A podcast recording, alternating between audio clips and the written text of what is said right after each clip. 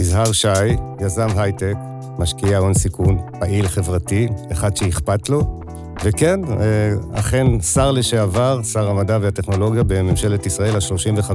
בוגר הטכניון, הייתי צריך להתחיל בזה, מהנדס נכון. חשמל, בוגר הטכניון, חשוב 1990, היא השנה בה אה, זכיתי לקבל את התואר שלי בטכניון. בימים אלה אני פעיל בהשקעות בתחום ה-AI במסגרת אה, קרן הון סיכון בשם Disruptive AI. אה, במקביל לזה אני יושב במספר דירקטוריונים של חברות אה, חדשנות אה, והייטק, וגם מתנדב בפעילות ברוכה במסגרת תנועה על-מפלגתית בשם דרכנו, שמנסה לחזק את חוסנה של הדמוקרטיה הישראלית ולהעמיק את הקול המתון בשיח הציבורי במדינת ישראל. המרואיין שלנו היום הוא יזהר שי, ויש סיכוי לא קטן שהשם שלו נשמע לכם מוכר. השאלה היא מאיפה. אולי מעולמות החדשנות הטכנולוגית, היזמות וקרנות ההון סיכון, אולי מהפעילות הענפה שלו בזירה החברתית במשך הרבה מאוד שנים, ייתכן אפילו שאתם זוכרים אותו מכהונתו כשר בממשלת ישראל בתקופת הקורונה. יזהר שי הוא אחד מאותם אנשים ברוכי עשייה, שחובשים כמה וכמה כובעים בו זמנית ועושים זאת בשיא הטבעיות ובלי להתבלבל. אז אם אתם מעוניינים לקבל רעיונות והשראה על העתיד של כולנו, כנראה שהגעתם למקום הנכון. אני רותי דונג, מנכ"לית ארגון בוגרי הטכניון. ואגב, את הפרק הזה אנחנו מקליטים ממש יום לפני הבחירות החמישיות. כשתאזינו לו כבר תדעו מה התוצאות והאם אנחנו בדרך לבחירות שישיות. אנחנו בכל אופן הצלחנו להימנע מפוליטיקה כמעט לחלוטין. האזנה נעימה. הטכניוניסטים, הפודקאסט של ארגון בוגרי הטכניון. אז באמת אתה ככה נע בין אה, פעילות יזמית, בין יזמות וטכנולוגיה, לבין עשייה חברתית, וגם בחיבור ביניהם. תוכל אה, קצת אה, לספר לנו על זה? כן, תראי, זה בא אצלי טבעי מהיום שבו אני זוכר את עצמי. גדלתי בבית מאוד uh, מודע ומאוד uh, פעיל uh, במסגרות השונות, uh, החל מסבתא שלי, שלימדה אנשים קרוא וכתוב, ואני ישבתי על ידה בספרייה שבה היא עבדה, ועזרתי לחלק את המחברות לאנשים שהגיעו שם בערב, והוריי שיהיו בריאים, גם הם עסקו במקביל uh, לעבודה שלהם בעשייה ציבורית. וגם uh, אשתי ואני, מהיום ש... Uh, אני זוכר את אה, עצמנו, ובטח אה, אחרי שהתחתנו וגידלנו משפחה, תמיד היינו פעילים אה, בעשייה שהיא מעבר לפרנסה. אני חושב שזה אורח חיים בריא ונכון. תמיד הרגשתי שיש לי הזכות לתת חזרה, לא רק להתפרנס ולקבל, אלא גם לתת.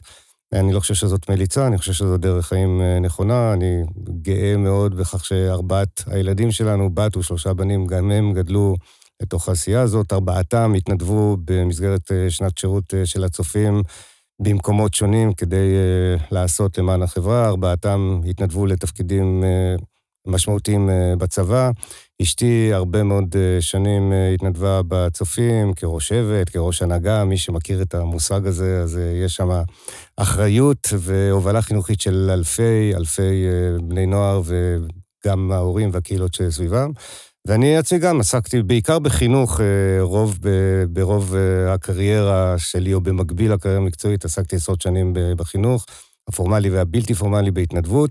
כמנכ"ל סטארט-אפ הייתי גם מורה בבית ספר לא פורמלי בארצות הברית לילדים יהודים, לימדתי קצת היסטוריה וקצת קרוא וכתוב. בחזרה בארץ הייתי מתנדב בסנונית, עמותה ירושלמית מיסודה של האוניברסיטה העברית, שעוסקת באוריינות דיגיטלית, בעיקר לילדים צעירים, כל מיני אתרים ואמצעים טכנולוגיים לחינוך, העשרה ו- ולימוד הדיגיטל שקשור בחיינו.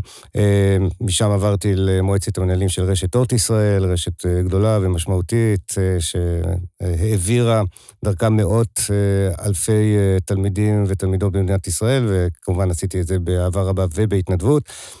עסקתי בנוער בסיכון, הייתי בעצמי מדריך של קבוצת נוער בסיכון, ממש ככה ברחובות, ביחד עם חבר יקר, תת-אלוף במילואים יוסי אדירי.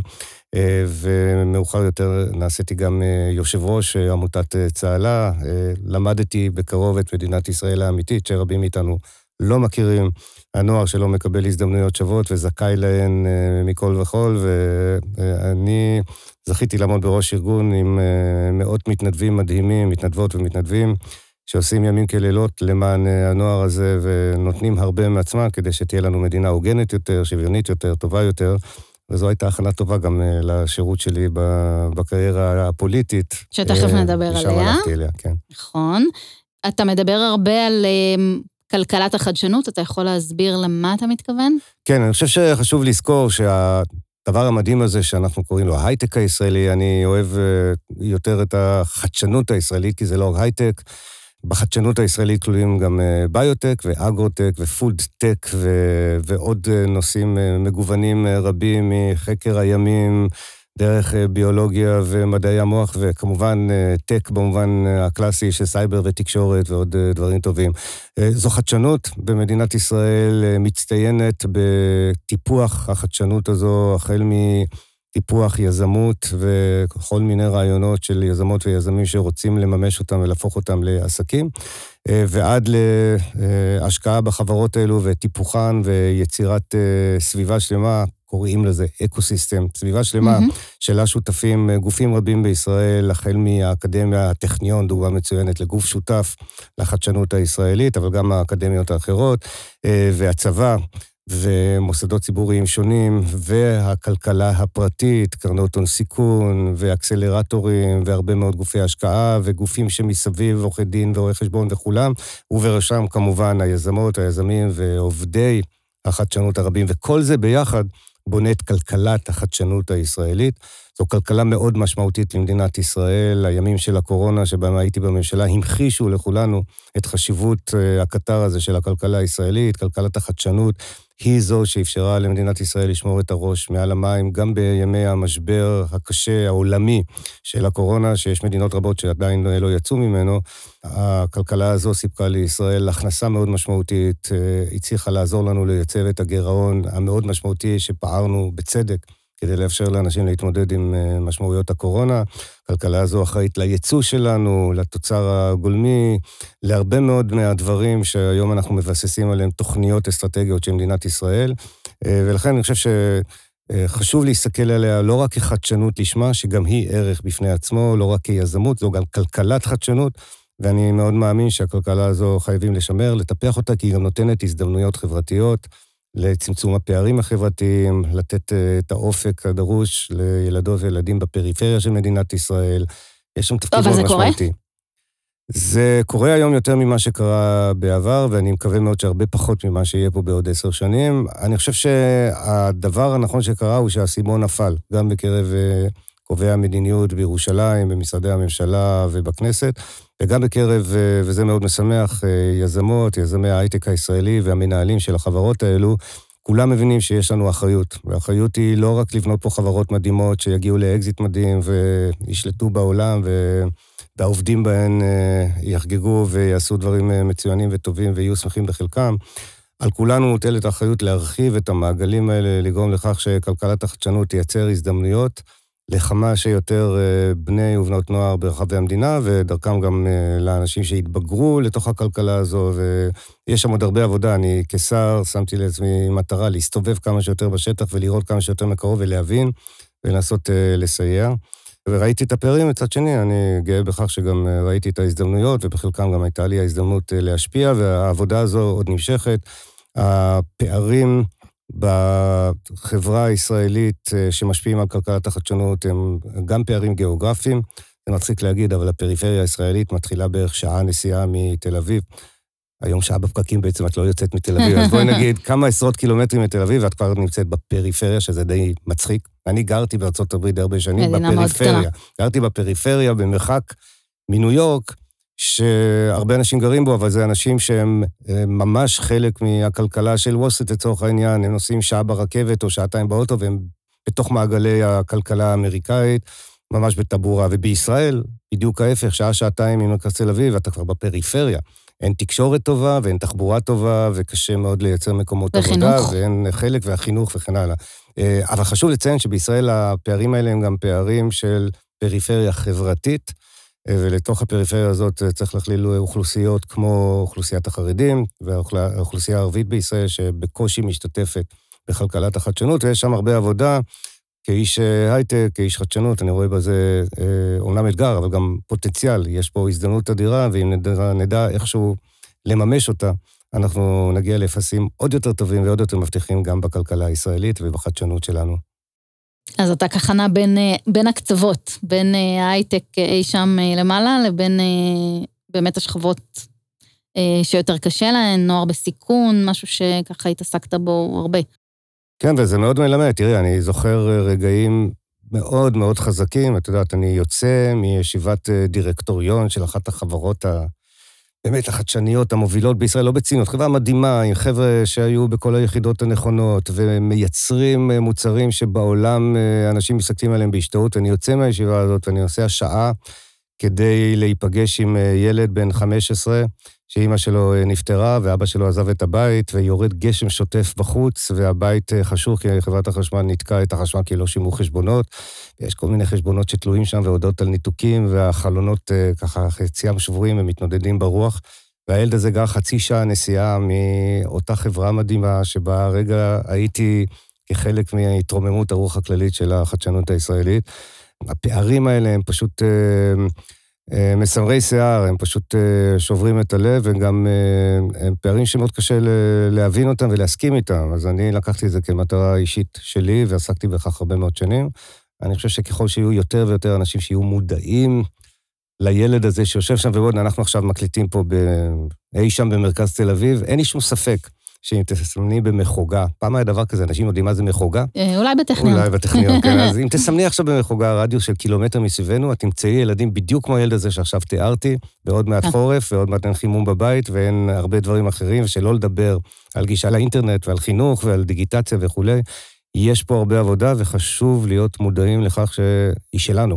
זו אחריות שלנו, לא של השר ההוא בממשלה, וחברת הכנסת ההיא, והאם שאחראים בסעד במועצה, זו אחריות של כל אחת ואחד מאיתנו, זאת נקודת המוצא. אז זה באמת מה שהביא אותך לפוליטיקה? הרצון כן, להשפיע? אני רציתי להשפיע. האמת היא שזה לא היה מעבר טבעי, אני הכרתי את בני גנץ בנסיבות די מעניינות כאלה, אי שם מעל האוקיינוס האטלנטי, ואחרי כמה שנים של היכרות, כשגנץ החליט שהוא מקים מפלגה, וכמה חודשים לאחר מכן, אני הייתי בתהליך שם ועזרתי לו להכיר את, את ההייטק ואת, ואת האנשים שבהייטק וקצת את המושגים של עולם החדשנות, הוא פנה אליי והציע לי לבוא למלא משבצת. גנץ בנה נבחרת, אני חושב נבחרת מאוד מרשימה של אנשים, שכל אחת ואחד מהם ייצג פן מסוים של החברה הישראלית. חילי טרופר בא מהחינוך, ומיכאל ביטון בא מהפריפריה והעשייה החברתית, ומיקי חיימוביץ' בא מהנושא של פעילות למען איכות הסביבה ואקלים וכדור הארץ, וכל mm-hmm. אחד מאיתנו בתחומו. אני באתי על המשבצת של ההייטק וניסיתי להיות, אה, למלא את הציפיות אה, כמו שכל אחד מהשמות של האנשים המדהימים, ויש שם עוד אנשים שאני עושה להם פה עוול, איתן גינזבורג ואלון שוסטר, באמת חבורה נפלאה של אנשים. אה, וגנץ קרא לי לדגל, ולמען האמת, פעם אחר פעם אמרתי לא ולא ולא. באמת, בסוף שיחת טלפון אחרונה, ממש ביום של הצגת הרשימה, ככה באופן רשמי כזה, אה, הייתה לנו שיחה כזאת אה, מכריעה לחילי, לבני גנץ ולי, ובסופה התקשרתי להילה אשתי לבקש את רשותה, והתנאי שלה היה שארבעת הילדים שלנו ייתנו אישור. ואני חושב שהיה לה איפשהו בדמיון ההבנה שזה לא יקרה, כי היה לנו בן אחד בסיירת, הייתי צריך לתפוס אותו אי שם, לא יודע איפה, ולא היה סיכוי שאני אתפוס אותו, והתקשרתי אליו, והוא ענה לי לטלפון, דבר די נדיר, אה, במיוחד באותם ימים. אה, והוא הביע את הסתייגותו, ואמרתי, אם אתה מאמין שאתה יכול לעזור ולהשפיע, אז איך תעשה את זה? אה, וכן, ברגע האחרון זה קרה. אז אנחנו לפני השיחה אה, נגלה פה שספרנו כמה בוגרי טכניון היו לנו בעמדה שלך, והגענו לשלושה. כולל אותי? כולל אותך, כן. פרופסור עודית נאות, זיכרונה לברכה, שהייתה שרה להגנת הסביבה ובוגרת ביולוגיה, אם אני לא טועה. אה, ובייגה שוחט, אה, שהיה שר האוצר, והוא בוגר פקולטה להנדסה אזרחית, לדעתי פרט שלא רבים יודעים.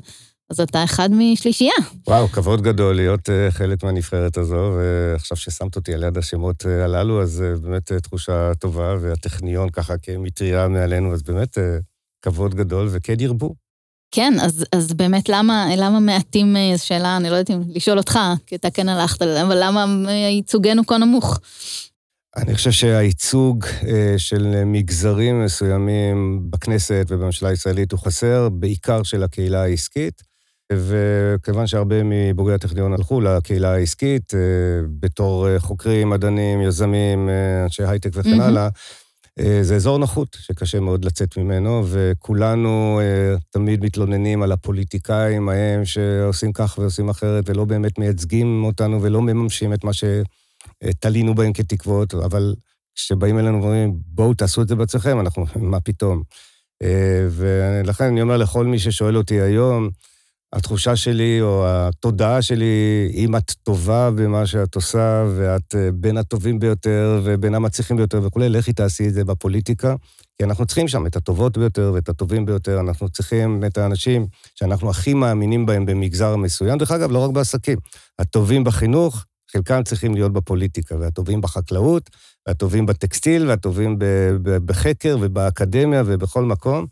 אמ, זה מעניין, דרך אגב, השניים שהזכרת לא באו מהטכניון. נכון. ל, אה, אולי פרופסור עידית נאות כן, אני חושבת שהייתה חוקרת. כן. אז אה, זה מעניין, אני חושב שצריך מגוון כזה, כי בסוף המגוון שנמצא בכנסת צריך לייצג את המגוון של הציבור הישראלי על כל מרכיביו. אנחנו צריכים להתעקש שהאנשים הטובים ביותר יראו לעצמם אה, זכות, אבל גם חובה, לבוא מדי פעם, לתת שירות מילואים של 4, 8, 10, אולי 20 שנה בפוליטיקה, מילואים זה טוב. ואז לחזור חזרה לעשייה. אז ספר לנו ככה מה גילית על המערכת הפוליטית שהפתיעה אותך? קודם כל גיליתי שעובדים נורא קשה. את יודעת, לכולנו יש תדמית כזאת שבכנסת, הרי זה כל הזמן בין פגרה כן. לחופשה וכל מיני דברים. בכנסת עובדים מאוד מאוד קשה. זה לילות מאוד ארוכים. כשמתחילים אה, מושב של כנסת, יש מין פתיחה רשמית כזאת של המושב, או ישיבה שנפתחת בעצם לא נסגרת עד שסוגרים אותה, ויכולה להימשך כל הלילה. ובמשך הלילה הזה את צריכה להיות uh, מוכנה לבוא ולדבר ולדון בוועדות, לפעמים יש דיון במליאה שהולך לוועדה, והוועדה מחזירה למליאה, זה הרבה מאוד שעות של עבודה uh, שצריך לעשות אותה, ובנוסף לזה גם צריך להיות, מי שרוצה לעשות את עבודתו נאמנה, צריך להיות בקיא בפרטים, כשמגיע חוק. בעניין כלשהו, בזכויות סוציאליות של עובדים במגזר מסוים, או באיזושהי הטבה כלכלית בתחום אחר, או כל חוק. צריכה ללמוד את פרטיו, ללמוד את התקדימים, ללמוד את ההשפעות וההשלכות, כדי לקבל איזושהי החלטה הגיונית וגם להשפיע על החוק הזה. לא כל החוקים הם אה, במסגרת משמעת סיעתית. בניגוד למה שהיה בשנה האחרונה בכנסת, שכל דבר הפך להיות קואליציה מול אופוזיציה, בימים נורמליים, והלוואי שיגיעו כאלה, יש עבודה שוטפת, ושם לא הכל מתחבר לאיזה צד של המפה הפוליטית אתה, אלא באמת מה האמונה שאיתה הגעת לכנסת, מהם הערכים שאתה רוצה לייצג, מהם האינטרסים וכן הלאה. לכן יש גם הרבה עבודה מקצועית. אז למדתי שפוליטיקה זו עבודה קשה, מאוד מאתגרת, והיא אף לא נגמרת, כי כשמסיימים את העבודה בכנסת, יש גם את העבודה מול קהל הבוחרים, מול האנשים ששלחו אותך לשם, יש גם אה, כל מיני עבודות והקשרים שונים, ועל אחת כמה וכמה כשהייתי שר בממשלה, זה גם היה להיות בכנסת, גם להיות בממשלה, במשרד, שהיה משרד מרתק עם הרבה מאוד, הוא עדיין משרד מרתק עם הרבה מאוד עשייה ומשמעות. ובנוסף לזה, הפוליטיקה שמסביב. קיצור, ספוילר לאלה מכן, הרי קראתי פה לפני חמש דקות לטובות ולטובים ביותר ללכת לפוליטיקה, דעו שזו עבודה מאוד קשה ותהיו מוכנים לזה.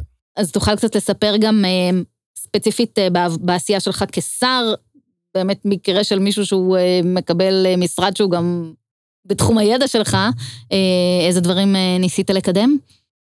כן, בשמחה. תראי, המשרד באמת, אה, היו מתקשרים אליי אנשים ושואלים, איך, מה, אתה נהנה? הייתי אומר, אני, תשמעו, אני כמו בחנות צעצועים, ילד בחנות צעצועים, אני נמצא במשרד שמטפל בנושאים שאני נהנה מהם, יקרים לליבי, חשובים למדינת ישראל. תחום, אה, קודם כל אני אספר דווקא על קשר לטכניון. אחת המשימות שנפלו בחיקי זה לבחור את אה, יושב ראש המלמו"פ החדש של מדינת ישראל, המועצה למחקר ולפיתוח, שהיא בעצם מעין product manager, מנהל מוצר עבור מדינת ישראל. זו המועצה שקובעת סדרי עדיפויות, במה המדינה כמדינה צריכה להשקיע, באיזה משאבים, באיזה תחומים, אה, וזה תפקיד חשוב. ולתפקיד, אה, למלמו"פ, למועצה הזאת, יש יושב ראש, ואני אה, עבדתי קשה, וכל החוטים וכל הסימנים הובילו לאדם אחד יקר וחשוב לכולנו, פרופסור פרץ לביא, נשיא הטכניון לשעבר, והתקשרתי לפרופסור לביא, פרץ, אם יורשה לי כאן, איש מדהים, אחד מה... באמת, אנשי האקדמיה היותר בולטים שהיו במדינת ישראל, והביא לנו גם הרבה כבוד, לא רק לטכניון, למדינת ישראל. ואמרתי לו, פרץ, יש משימה לאומית, אתה נקרא להתגייס אה, לדגל, והוא התלבט מאוד, ושמחתי לקח על עצמו בא למילואים. בא למילואים. וזה מעניין, את יודעת, על פי החוק, יש הרבה מינויים בכירים בממשלה, במגזר הציבורי. המינוי הזה הוא מינוי שהשר בוחר, שר המדע והטכנולוגיה, הממשלה מאשרת, ונשיא המדינה ממנה. אין הרבה, תחשבי, רמטכ"ל לא מתמנה על ידי הנשיא. וגם לא ראש השב"כ והמוסד, אה, ראש ממשלה כן, מקבל את המנדט מהנשיא. יו"ר המלמו"פ, המחוקק הישראלי לפני עשרים ומשהו שנה אמר, אוקיי, זה נושא חשוב, הנשיא הוא זה שיעניק לו את כתב האמנה, אז הלכתי עם פרץ לביא לנשיא המדינה, אז הנשיא ריבלין, והוא העניק לו אחר כבוד, אז זה היה, הנה, תחושה כזאת, ואני שומע עכשיו, אנחנו מקליטים עכשיו, כי אני חושב כחודשיים אחרי שפרץ לביא והמלמו"פ הגישו את ה-roadmap, את מפת הדרכים של אה, מדינת ישראל בתחום מחקר ופיתוח לממשלה, ואישרו אותה, אז הרגשתי, הרגשתי שהשפעתי על משהו חשוב, והנה אפילו הקשר הטכניוני. אה, דברים אה, אחרים שנגעתי בהם, בעלי משמעות, יש רבים כאלה, אולי אני אזכיר אחד או שניים. הנושא של החלל. סוכנות החלל הישראלית כפופה למשרד המדע והטכנולוגיה. הייתה לי הזכות כשר להיות אחראי על הסוכנות. אנחנו גיבשנו תוכנית לעשר שנים, תוכנית עשור לחלל על משמעויותיו האזרחיות, הכלכליות, אפרופו כלכלת החדשנות, אה, והגשנו אותה לממשלת ישראל. זו תוכנית שבקצה שלה, עשר שנים מהיום, אנחנו נראה במדינת ישראל כ-400 חברות שעוסקות בחלל, כ-30-40 חברות זרות שעוסקות בחלל, כ-45 עד 50 אלף איש שעוסקים במיליארדי דולרים שיתורגמו ליותר מזה, מיליארדי שקלים, שזורמים לתוך הכלכלה הישראלית. אה, וגם ראינו בזה הרבה מאוד הזדמנויות כדי למקם מפעלים ומרכזי פיתוח בפריפריה. החלל שמתפתח בעולם הוא הזדמנות אדירה עבור מדינת ישראל, וכל מה שאמרתי עכשיו נראה חריג, זה בדיוק מה שקרה לנו בתעשיית הרכב. לפני עשר שנים קצת יותר, 15 שנה, היית אומרת, מדינת ישראל תהיה מעצמת רכב, אנשים היו צוחקים, מי אנחנו ומי רכב. אני עוד מהדור שזוכר את הסוסיתא והכרמל. ולמי שלא יודע, זה שמות של רכבים שפעם יוצרו פה כזה כן. קופסתים כאלה. והנה, אנחנו היום מעצמת רכב עולמית, מבלי שאנחנו מייצרים רכבים. אנחנו מייצרים את כל המחסנית עד לפלטפורמה, זה בדיוק מה שיקרה. אני מקווה מאוד למדינת ישראל בתחום החלל. הנה עוד uh, תחום כזה מדהים שעל הרבה אפשרויות. וכמוהו גם נגענו במפעלים חברתיים, הנגשת אה, מדעים וחינוך מדעי לפריפריה, וקשרי חוץ עם מדינות. אחד התחומים החשובים של המשרד זה ליצור יחסים בינלאומיים עם מדינות שרוצות לשתף פעולה עם מדינת ישראל. הייתה לי הזכות לחתום עם אה, שר המדע האמירתי על הסכם mm-hmm. שיתוף פעולה מדעי, מחקרי, בין מדינת ישראל לבין האמירויות. טקס כבוד, נחת מטוס כזה בנתב"ג, הלכנו ו... אירחנו את השרים האמירתים שנחתו שם. אה, ועוד אולי דבר אחרון, אה, הסכם מאוד מעניין בין מדינת ישראל לבין ארצות הברית, שגם כן הסדיר את יחסי המחקר והפיתוח בין מדינת ישראל לארצות הברית. זה הסדר חדש, על הסדר קודם. חתם אחד, אה, אז שגריר ישראל בארצות הברית, יצחק רבין, לפני כקרוב ל-40 שנה, משהו כזה, והנה הייתה לי הזכות לחתום על הסכם חדש כזה. אז ספר לנו ככה על משהו שלא הצלחת, שלא הספקת. או, יש עוד הרבה מאוד דברים שלא הספקתי, היו לנו אה, תוכניות, ואני מקווה שהם אה, ימשיכו גם אה, להכנסת הרבה מאוד אנשים נוספים למעגלי ההייטק הישראלי, דרך תוכניות שהמשרד קידם אותן. התוכנית האחרונה שאני חתמתי עליה הייתה תוכנית לחינוך כמה אלפי בחורות ובני ישיבה חרדים במקצועות ההייטק, כך שיוכלו להשתלב מאוחר יותר. זו תוכנית שיצאה לדרך, אבל אפשר לעשות שם עוד הרבה מאוד. אני חושב שבנושא של תכנון תשתיות, מדינת ישראל יכולה עוד להשקיע הרבה מאוד בנושא של אה, אה, משאבים שיעמדו לרשות היזמות והיזמים במדינת ישראל ויאפשרו להם לפתח חברות אה, מדהימות. ואולי נושא אחד שנראה כמעט טכני, אבל הוא חשוב, ולצערי לא הספקתי, לא הספקנו, אבל אני מקווה שאנחנו נגיע לשם. מדינת ישראל צריכה בסוף לאגם את כל הרשויות הממשלתיות והגופים הממשלתיים שעוסקים בחדשנות ובמו"פ ובקידום ההייטק למשרד אחד משמעותי שבראשו יהיה האוצר ותחתיו יעמדו אנשי מקצוע מדהימים. אחד הדברים הטובים שקרו זה הכנסת רשות החדשנות למשרד המדע והטכנולוגיה, זה היה חלק מהמצע שלנו, אבל יש עדיין רשות סייבר לאומית ורשות תקשוב לאומית וישראל דיגיטלית ועוד חמש-שש רשויות אחרות. צריכים להכניס את כולם ביחד תחת גוף אחד עם מדיניות אחת כוללת, שבראשה עומד שר שמבין, או שרה שמבינים את התחום הזה, ואז מדינת ישראל תתפוס סוף סוף את עצמה ברצינות בנושא של חדשנות, ותעזור לאלפי היזמות והיזמים המדהימים פה לקיים את כלכלת החדשנות. זה נשמע לי שאתה בשל לחזור. אמ, אני לא יודע. כשעזבתי אה, את תפקידי, שאלו אותי האם ומתי אחזור, אמרתי, אני בחופשה. היא תימשך בין שנתיים ל-20 שנה. אוקיי. אז אה, עוד לא עברו שנתיים, אבל uh, אני לא יודע אם זה יקרה מוקדם יותר מ-20 שנה. כלומר, יכול להיות שזה לא יקרה, אני, אני מרגיש בנוח עם זה. אם תיווצר סיטואציה מתאימה, אז יכול להיות שאני אמצא את עצמי חזרה שם, ואם לא, זה גם בסדר. למה אני... באמת עזבת? עזבתי כי הרגשתי שאני לא מספיק אפקטיבי, אני בא מעולם העסקי, ובעולם העסקי יש קשר ישיר בין מעשה ותכנון לבין תוצאה, לכאן ולכאן. אפשר גם להיכשל, אפשר להצליח, אבל את הרבה יותר אוחזת ונוגעת בדברים שבהם את רוצה להשפיע.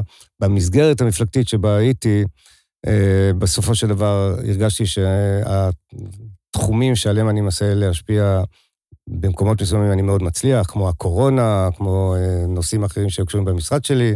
בעמדה הפוליטית של המפלגה שלי ובעשייה הפוליטית שלה הרגשתי שאני משפיע פחות. זו מפלגה, בסופו של דבר, כמו לצערי מפלגות אחרות בגוש המרכז, שמאל בישראל, היא מפלגה שסובבת סביב בן אדם אחד, שהוא מקבל את ההחלטות. יש לי כבוד אינסופי לבני גנץ וגם הערכה והכרת תודה. אבל הרגשתי שאני לא מספיק אפקטיבי, ומן הסתם מי שצריך לעזוב... בגלל הסיטואציה הפוליטית. זו סיטואציה פוליטית, ואני חושב שזה בסדר גמור. אני פיניתי את מקומי, אחרים לקחו אותו, ואפילו ישים שם עבודה טובה מאוד. שאלתי אותך קודם אה, מה הפתיע אותך, אה, ואני חושבת שלהרבה מאיתנו בראש יש כזה איזו תדמית שהזירה הפוליטית, אה, קבלת ההחלטות בה היא לא מבוססת נתונים או לא מבוססת מדע, כמו שבטכניון מאוד אוהבים. זה משהו שגם אתה חווית בצורה הזו? או, בהחלט, תראי, קבלת ההחלטות במישור הפוליטי היא מבוססת אנשים. וזה כן נכון שהרבה מההחלטות הן החלטות שבסופו של דבר צריכות להתבסס על נתונים, אישור תקציב, תוכניות אה, כאלו רוצים. ואחרות. אה, בסוף, אבל אני אתן לך דווקא דוגמה מהחיים כי מעניינת, אני הייתי בקבינט הקורונה. עכשיו, קבינט הקורונה בסופו של דבר היה צריך לקבל החלטות של מדיניות, בהתבסס על הרבה מאוד אה, נתונים והרבה מאוד מחקר והרבה מאוד מידע שצריך היה לאבד אותו בזמן קצר, חלקו השאיר סימני שאלה, גם מדעיים, וגם טכניים, ובסופו של דבר היה צריך לתרגם את זה למדיניות. האם פותחים את בתי הספר ביום ראשון הקרוב, אה, כן או לא? זו החלטה של מדיניות, אבל היא מבוססת על הרבה מאוד מידע שעובד, נלעס, אה, נחקר והוצג לשרים, ועכשיו כל אחד צריך להסתכל עליו מהזוויות שלו. האם בתי הכנסת ייפתחו בשבת, כן או לא? זו החלטה סופר רגישה. שאת ניגשת אליה קודם כל מתוך מדע, היה איזשהו מדע שלם על מה קורה בחללים סגורים, וכמה אנשים יכולים להיות בחלל הזה, רסס טיפתי, היו מילים כאלה פעם. ו- ועד כדי רמה של אה, להביא אנשים שיעידו האם בזמן תפילה אפשר להיות עם מסכה, וכשצועקים או תוקעים בשופר, יש כל מיני שאלות, שבסוף זה שאלות של מדיניות שהן נוגעות בלב-ליבו. של המרקם הזה שאנחנו חיים בו. אז בסוף זה מדיניות, אבל היא מבוססת, אה, במקרה של הקורונה, צריכה להיות מבוססת אה, נתונים ומשמעויות. אני יכול להגיד לך שזה אתגר בין מתסכל אה, מרתק. ולגמרי לא פשוט. בסוף הממשלה שהייתי חלק ממנה הואשמה שרבות מההחלטות שלה היו החלטות פוליטיות ולא בהכרח מדעיות באשר לקורונה. אני חושב שבמידה מסוימת זה נכון, אבל זה נכון לגבי כל ממשלה בעולם שהתמודדה עם הנושא הזה, כי אי אפשר להתחמק מזה בסוף שיש השפעה על מגזרים ועל uh, אינטרסים שמיוצגים על ידי נציגי ציבור שונים. אני אתן לך דוגמה, המחקר המדעי בנושא הקורונה הורה על זה שבזמן של התפרצות של גל משמעותי צריך לצמצם מגעים. עכשיו אפשר לספור באופן uh, מדעי כמה מגעים מתקיימים במדינת ישראל מדי יום. ילדים הולכים לבית ספר, יש כך וכך מיליוני ילדים, וכך מורים, וכך וכך אינטראקציות ואישורים וכולי. נוסעים בתחבורה ציבורית, הולכים לקניון, הולכים לבתי מלון, הולכים למסעדות. תספרי את כל זה, יושב פה סטודנט לתעשייה וניהול בטכניון, או סטודנט לכלכלה או סטטיסטיקה, ייתן לך הערכה לא רעה של כמה מאות מיליוני מגעים כאלה קורים ביום, ונניח שבאים המדענים ואומרים, תצמצמו את זה לרבע מהמגעים האלה, ותפחיתו את מקדם ההדבקה ואת הצמיחה של K וכל מיני דברים טובים, כך שתוכלו לרכוש לכם עוד ארבעה שבועות, כי אנחנו חושבים שהגל הזה בסופו של דבר... אז יש פה הערכה. אבל עכשיו מגיעה פוליטיקה, אוקיי, אז את מה מצמצמים? את בתי הספר? את uh, הקניונים? את בתי המלון? את המסעדות? האם הולכים על גילאים מסוימים? האם הולכים על אזורים מסוימים? ולא רק זה, תוסיפי לזה את הסיבוכיות שיש יישובים מסוימים, שנחשבים יישובים אדומים, שם יש יותר... אה, יותר התפרצויות מאשר במקומות אחרים. אז האם הולכים להגביל יישובים מסוימים, או הולכים על אה, רוחב? זה כבר החלטה פוליטית. היא לוקחת את כל הדאטה הזה ומשליכה אותו על פוליטיקה. עם הנושא הזה התמודדו אה, ממשלות ומשטרים ברחבי העולם וגם במדינת ישראל. בחלק מהמקרים זה היה משא ומתן פוליטי לחלוטין. אני זוכר משא ומתן באישון לילה, שאני כנציג הגוש שלנו, זו הייתה ממשלה פריטטית, אז כנציג הגוש שלנו, אני מול נתניהו ואנשיו, נלחם מלחמה לפתוח, לא יודע, את כיתות ג', ד', ה', מחר בבוקר בבית הספר, ומול זה, כיוון שאנחנו צריכים להפחית מגעים, אז אנחנו צריכים לסגור משהו אחר. או אנחנו צריכים לבצע הסגרים או הסדרים כאלה ואחרים. זו מלחמה פוליטית.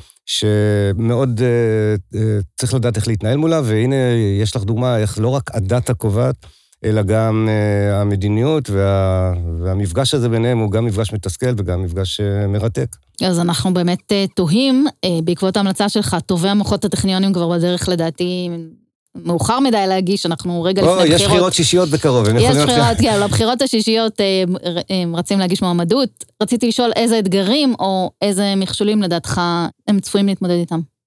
אז תראי, יש אה, את המכשלות הרגילות שכל אדם שאף פעם לא היה שם ומגיע לפוליטיקה פתאום נתקל בהן, כמו הצורך לעשות פוליטיקה וה... החוויה הלא נעימה הזאת שהכל חשוף והכל אה, נתון לשיפוטו של כל אחד, ויכולים לכתוב עליך מיליון דברים, שרובם לא נכונים ואף אחד לא בודק, ויכולים להכפיש וכולי, אז זו תופעה גנרית, כל מי שהולך לפוליטיקה, לא חשוב מאיפה הוא הגיע, יפגוש אותה. אני חושב שמהנדסים ומדענים יפגשו מעבר לזה, פתאום את התחושה המדהימה הזאת באמת, שהרבה מאוד מהתהליכים אינם מבוססי דאטה ומחקר. אלא מבוססי אינטואיציה, והרבה פעמים גם wishful thinking, סתם חשיבה כזאת. פוליטיקה ש... וקבוצות לחץ. אה, כן, וגם, אה, אתה יודע, אופטימיות או פסימיות של אנשים. דרך אגב, אפשר להסתכל על זה גם אה, בכיוונים חיוביים. כן. למשל, ההחלטה ההיסטורית של עמיר פרץ, שר הביטחון של מדינת ישראל, ללכת על כיפת ברזל, התקבלה, כך אומרים, בניגוד לדעתם של טובי המדענים והחוקרים שבאו מבוססי דאטה וחקר ביצועים ותחזיות מאוד מאוד אה, אמיתיות, והוא אמר, הולכים על זה כי זה מה שאני החלטתי, והיום זה ערך אסטרטגי במדינת ישראל. אז לא כל נתון...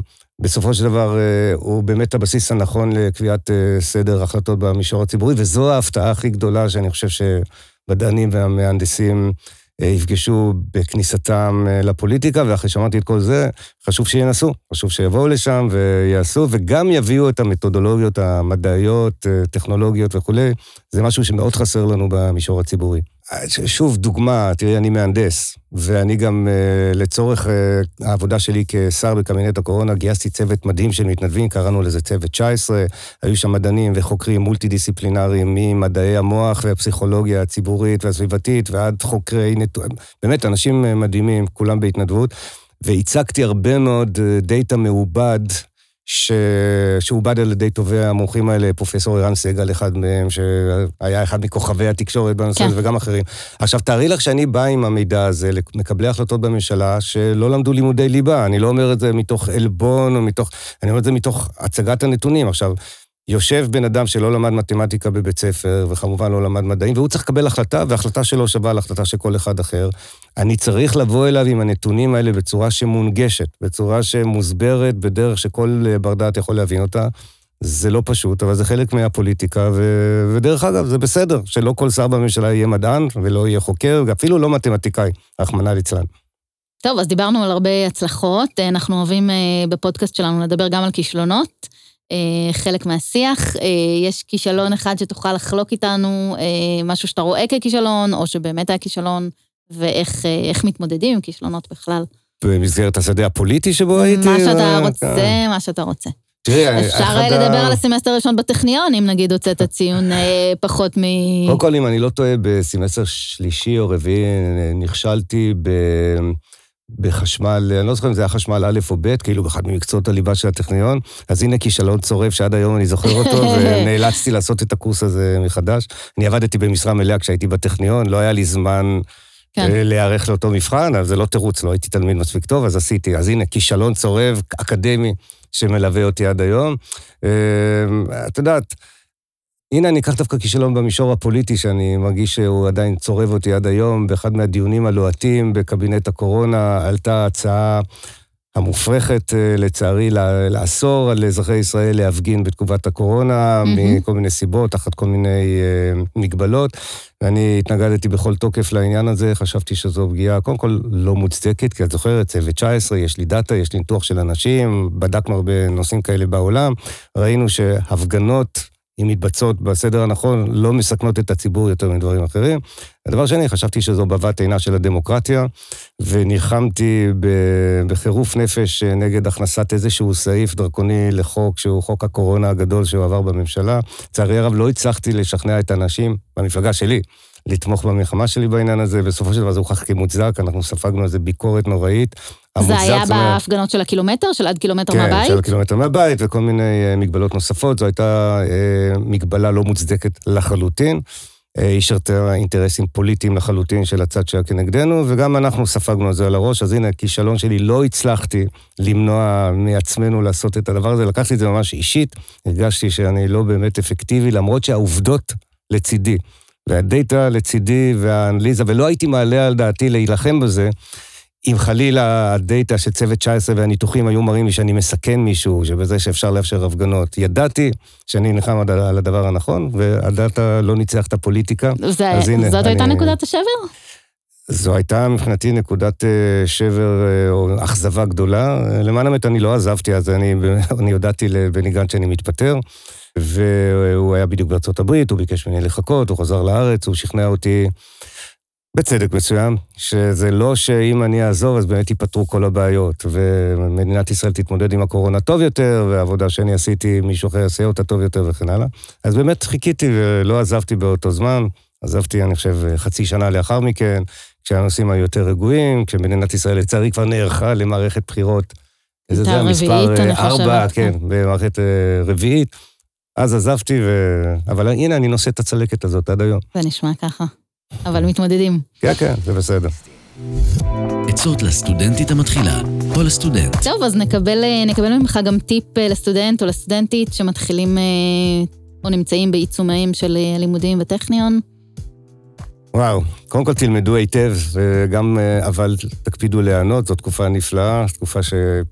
אי אפשר לשחזר אותה בחיים, זו תקופה כזאת של עיצוב אישיות, ופתיחת אופקים, והיכרות עם הרבה אנשים, ותנסו כמה שיותר לצבור גם ידע, גם ניסיון וגם, אה, וגם חוויות שקשורות בחוויה האקדמית. זו תקופה נפלאה באמת וחד פעמית אה, בחיים, תנצלו אותה עד הסוף.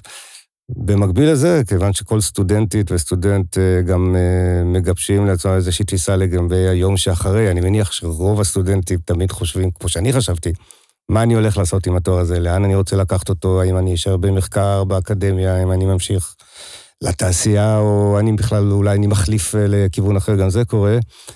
מה שאני מציע לכל סטודנטית וסטודנט ששומעים אותנו, זה לחשוב כמה שיותר גבוה, כמה שיותר רחוק, הכי גבוה ו...